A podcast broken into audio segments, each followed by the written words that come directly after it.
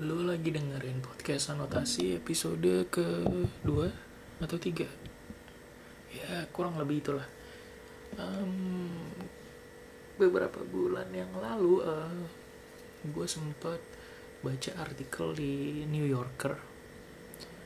Jadi ketika itu gue lagi dapet tugas kuliah lah, ujian tengah semester atau apa untuk bikin esai. Ya saya cari-cari ilham, baca situs-situs populer gitu terus ada satu artikel seru menurut gua. Judulnya The Case for Not Being Born. Di New Yorker lu bisa cari uh, di situ ada ada penulisnya uh, Joshua Joshua Rockman.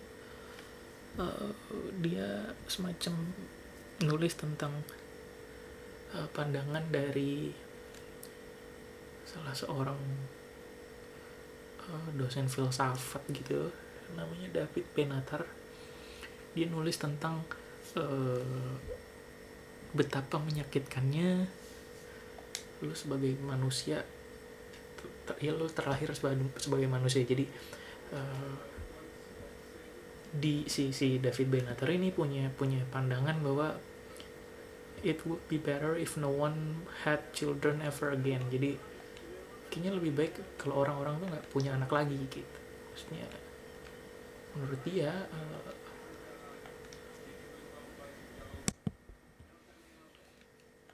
si jadi si David Benatar tuh bilang bahwa dilahirkan itu menyakitkan loh gitu.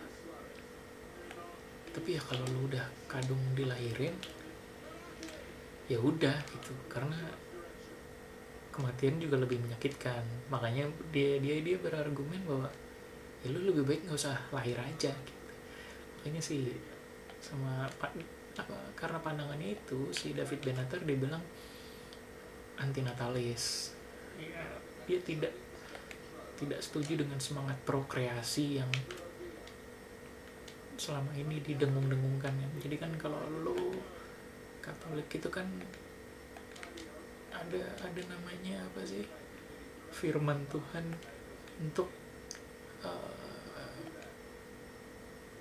berketurunan lah. Lu, lu punya anak berketurunan gitu. Si David Benatar nih bilang ya nggak usah lalu punya anak-anak lagi menyakitkan. Coming into existence is painful but anjir. Jadi nggak usah nggak usah ngelahirin anak karena kasihan anak lu. Tapi ya kalau lu udah anak anak lu udah lahir ya iya lu baik baik lah gitu. Nggak nggak berarti karena dilahirkan itu menyakitkan terus lu mati gitu aja. Nah gue pribadi sih sebenarnya lumayan setuju ya apalagi mengingat makin banyak orang tua nggak bertanggung jawab kayaknya kasih mending lebih baik tuh anak-anak itu nggak dilahirin gitu. Daripada karena lu nikah nggak punya persiapan apa apa ngelahirin anak anak lu ikut apa namanya ngikut nanggung beban yang lu lakukan apa lu lakukan karena keegoisan orang tua kasar lah. Gue gue malah sampai gue sempet ngobrol sama teman gue gimana kalau lu gimana kalau lu mau punya anak lu harus dicek semacam lu planning lu apa nih sama anak ini? Gitu. Lu mau sekolahin punya duitnya nggak? Gitu jadi anak lu nggak akan terlantar anak lu nggak akan jadi ngamen di jalanan gitu. Dan anak lu bukan pakai anak lu buat jadi mesin uang lu. Tapi kan itu kayaknya masih terlalu jauh mungkin terlalu radikal lah buat Indonesia. Iya. Ini anak itu kan hak terus uh, masa negara katakanlah misalnya negara yang ngatur masa negara ngatur sampai ke urusan anak punya anak berapa kayak orba kan. Orba kan dulu gitu. Orba tuh ngatur sampai sel terkecil kehidupan manusia keluarga. Sampai ranjang mereka ngurusin karena mereka ada penyuluhan kondom lah KB dan dan menurut gue mungkin itu salah satu program orba yang oke okay, oke okay sih ya ngontrol. Tapi ya yang mencetuskan program itu juga anaknya banyak. Gimana dong? Jadi intinya sih si tua nih ya lu lu punya anak lu udah tau konsekuensinya gitu. Dan itu di Indonesia kan mindsetnya kadang punya anak lu harus lu sebagai anak lu berbakti dong sama orang tua gitu. Gue udah menyekolahkan lu ya lu indong gitu. jadi kayak investasi kan aneh aneh aneh aneh menurut gue ya buat gue yang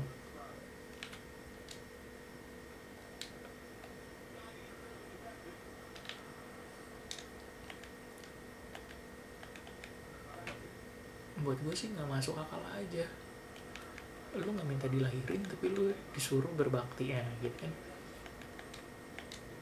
Disuruh bayarin utang-utang bapak ibu lu yang lu nggak nikmatin.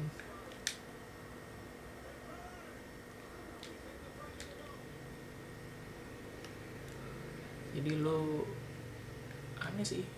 Ya kayak itulah Siti Nurbaya lu terpaksa nikah eh nih Siti Nurbaya kayaknya ya terpaksa nikah karena harus melunasin utang bapaknya sama Datuk Maringgi. Katakan Pak oh ya cakep Siti Nurbaya. Iya iya iya. Siti Nurbaya ya lu kan anjir lu buat gue eksistensi lu sebagai manusia itu hilang ketika lu nggak bisa menentukan pilihan. Cool. Jadi ketika lu jadi anak lu ngikutin jalan hidup terpaksa karena untuk jadi pengamen karena orang tua lo tanpa perencanaan bikin lo ngelahirin lo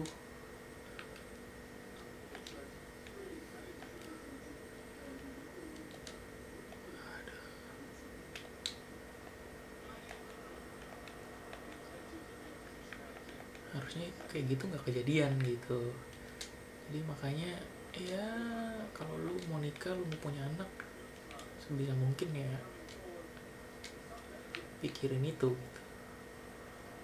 inget lo anak lu tuh nggak minta lahir.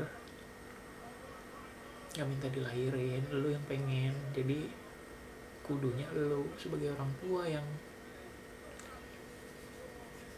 nyiapin apa yang lu mau lakukan dengan anak lo apa yang sudah lo siapkan. Gue gue punya cerita. Teman gue dia tiga bersaudara. Dia tiga bersaudara ya mungkin agak agak aneh sih karena dia punya pikiran yang menurut gue menarik. Karena ketika di Indonesia yang kultur uh, Jawanya kental banget anak berbakti sama orang tua gitu segala macam. Ya mungkin bukan kultur Jawa sih ya. Kultur Indonesia secara keseluruhan teman gue ini cerita. Bokap nyokapnya sampai sekarang masih kerja bokapnya. Uh, tujuan bokapnya kerja adalah dia tetap bisa nyimpen duit biar dia nggak perlu ngerepotin anaknya ketika udah tua gitu. itu menarik sih buat gue karena ya dia mikirin itu berarti kan dia ya gak bakal ngerepotin orang anaknya lah ya walaupun ketika lu orang tua udah tua anak pasti kan diminta untuk apa namanya diminta untuk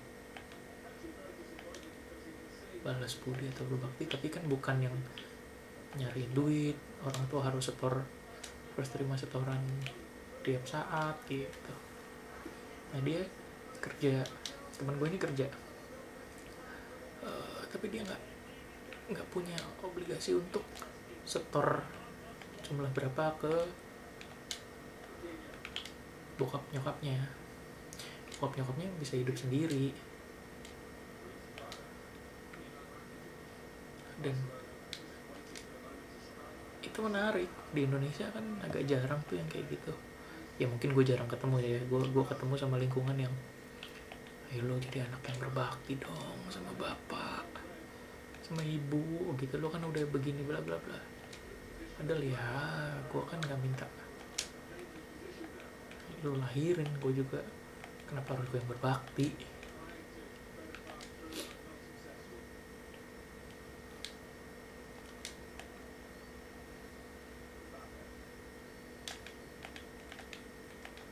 aduh.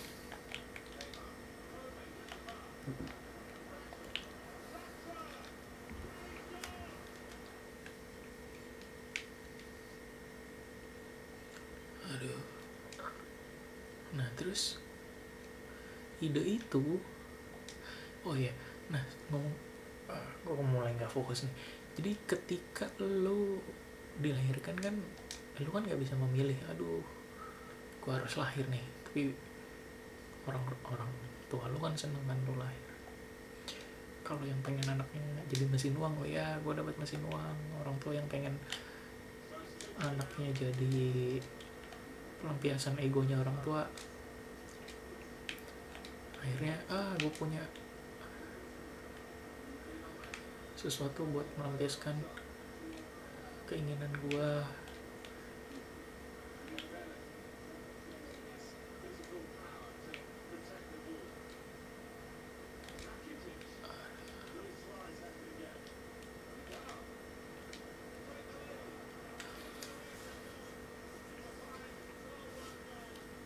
tuh gue ngomong apa sih tadi? Nah semangat semangat untuk tidak punya anak itu kan sebenarnya bertentangan dengan semangat semangat prokreasi ya. Kayak di Katolik kan sebenarnya lu nggak boleh pakai KB lu tidak boleh pakai kontrasepsi karena ya lu mencegah terjadinya kehidupan tapi gimana kalau lu membuat kehidupan hanya untuk membawa satu kehidupan ke kematiannya sebelum kematian itu sendiri? Maksudnya kalau lu hidup susah kan lu kayak orang mati ya jadinya ngapain lu hidup cuma buat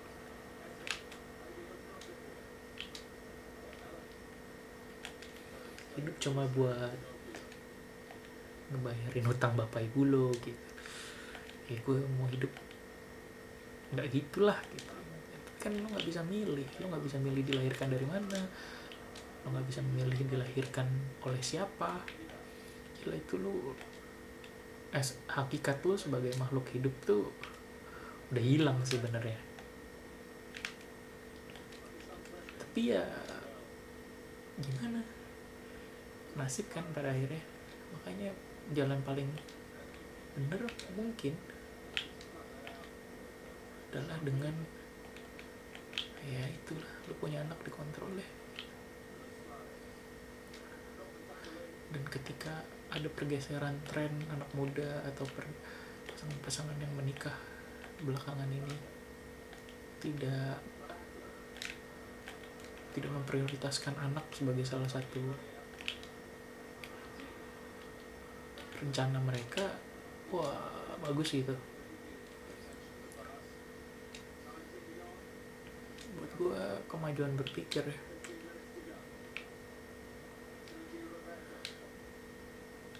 Lu lu nggak yakin punya anak ya jangan punya anak lah gitu.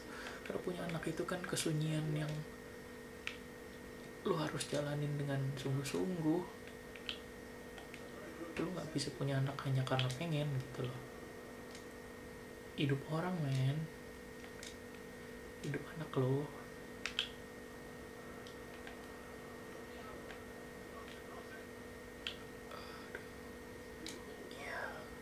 nah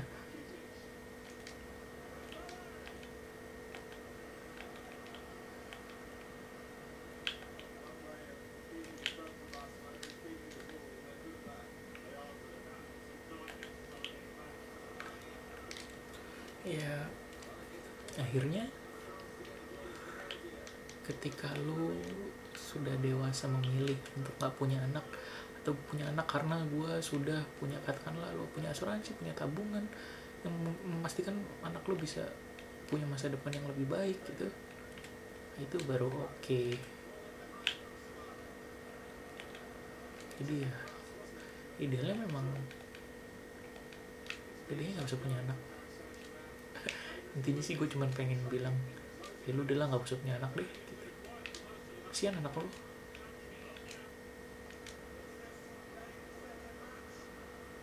kalau lu hanya begitu. Tapi pandangan ini ketika gue omongin ke teman-teman gue nggak nggak semua setuju sih.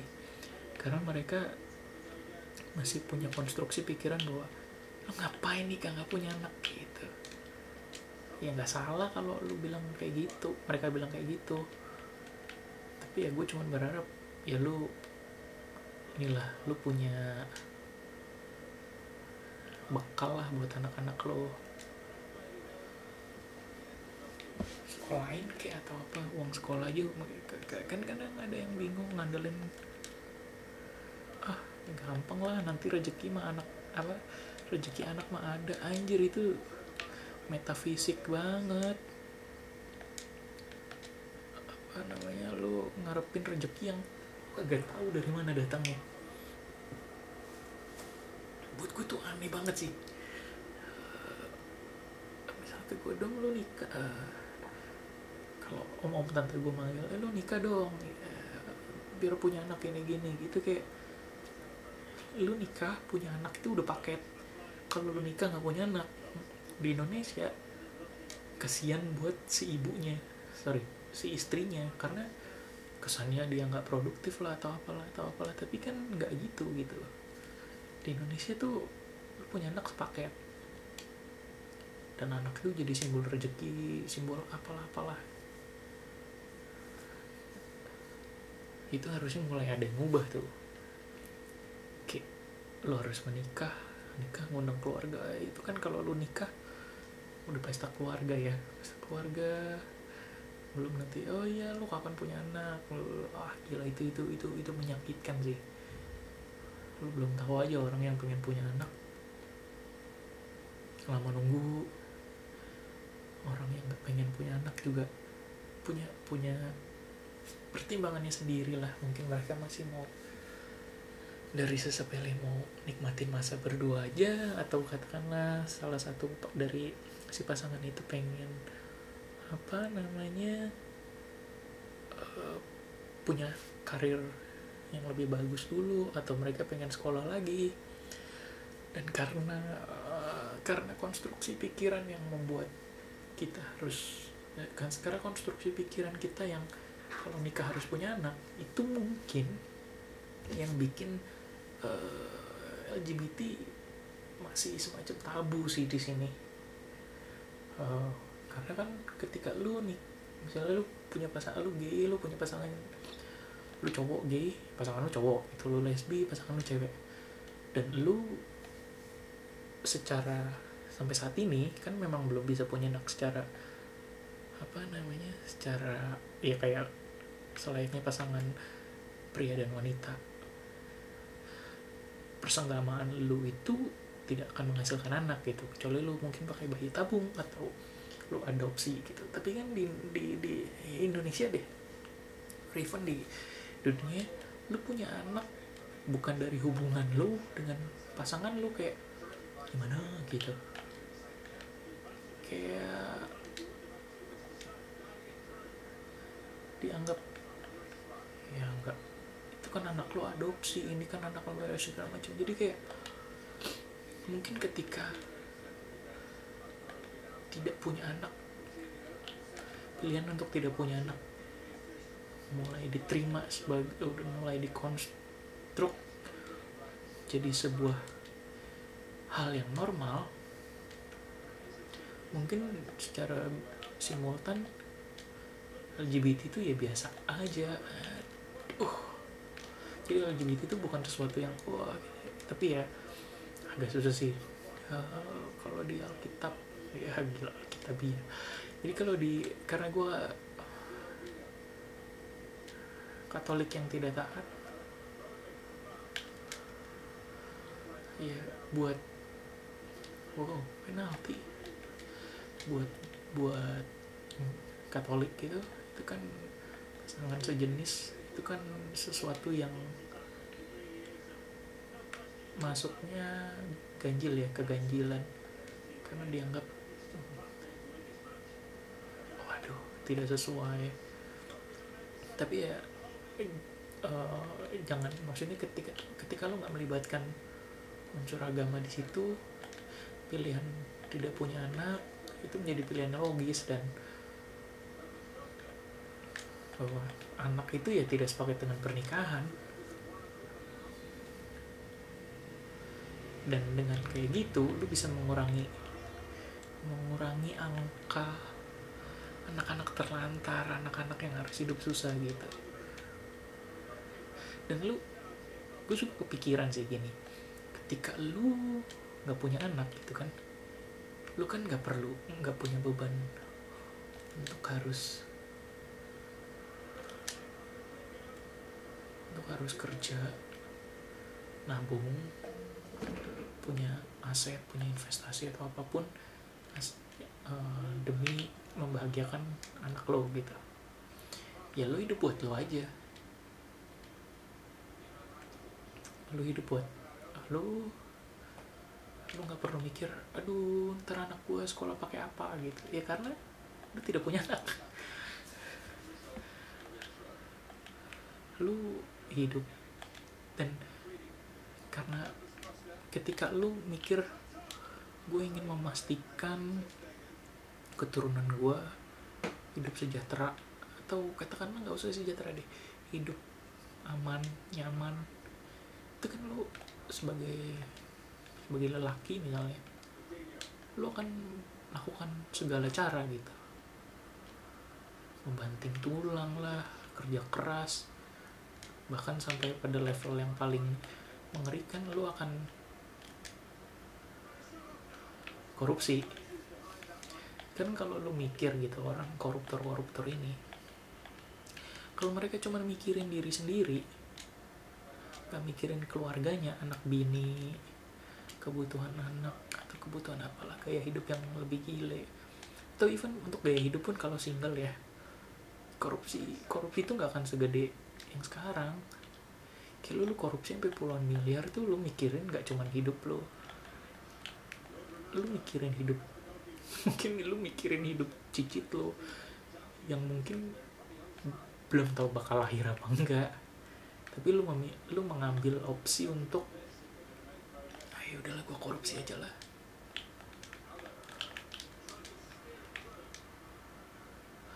gua ngambil opsi untuk korupsi biar anak cucu gua cicit gua hidup terjamin. Ya gitu jadinya. Ya syukur-syukur sih lu nggak perlu korupsi tapi kan probabilitas itu ada. Lu kalau ditongolin di depan apa diadepin 30 miliar di depan muka lu juga gue yakin keder sih gila. Gue nggak pernah lihat duit satu miliar pun sih karena duit paling banyak di ATM gue pun kayaknya nggak nyampe ratusan juta.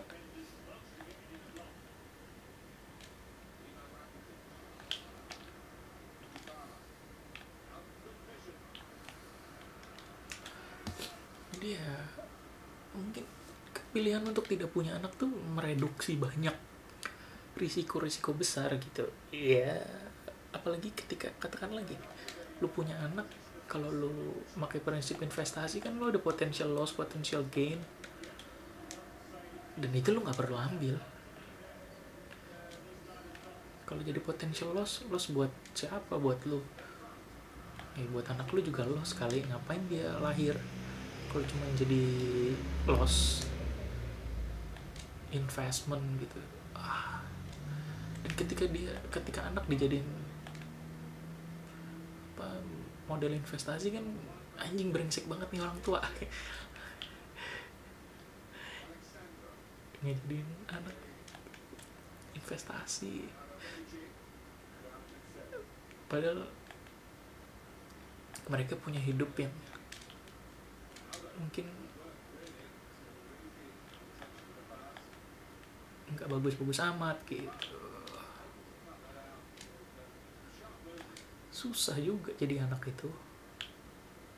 Jadi lu pikiran lagi deh kalau lu mau punya anak. Nah itu gue yang gue bilang ke teman gue lu pikir lagi kalau punya anak. Dan tiap teman gue teman kerja. Ataupun teman kerja sih banyaknya. Atau teman yang udah dekat eh tapi gue nggak punya teman dekat sih. Uh, teman-teman gue yang mau nikah gitu gue selalu nanya lu mau punya anak berapa? Gitu lu mau punya anak berapa? Ya dua lah tiga lah. Lu yakin lu? Terus nggak lama gue gue iseng. Gue kasih artikelnya si David Benatar ini. Yang lah adalah rezekinya. Ya balik lagi ke situ. Yang itu metafisik bos. Lo nggak bisa pikir bahwa lo akan punya anak dengan rezeki yang itu itu salah satu kemungkinan lah. Tapi kalau lu bersandar antara ada rezekinya wah aku cuma bisa bilang lu orang tua yang nggak bertanggung jawab.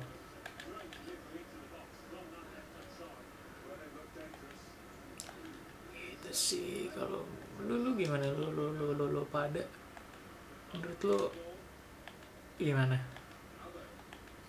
Punya anak tuh emang udah sepaket ya dengan pernikahan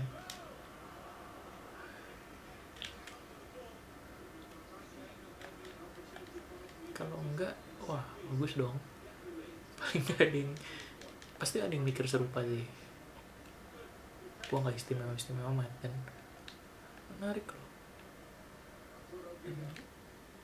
Indonesia tanpa anak Indonesia tanpa jil Indonesia tanpa apalah apalah ya lo atur lah. Tapi intinya ketika punya anak lo harus memastikan anak lo lu bisa bisa lalu punya bekal lah buat mereka. Bekal materi dan materi gitu. Karena gue membayangkan kalau lu punya anak ngaco ya pidana lah gila. Lu merusak masa depan orang tuh kekejian yang anjir nggak terbayangkan lah. Oh gila lu masa depan anak lu sendiri lu nggak nggak lu nggak nggak bisa.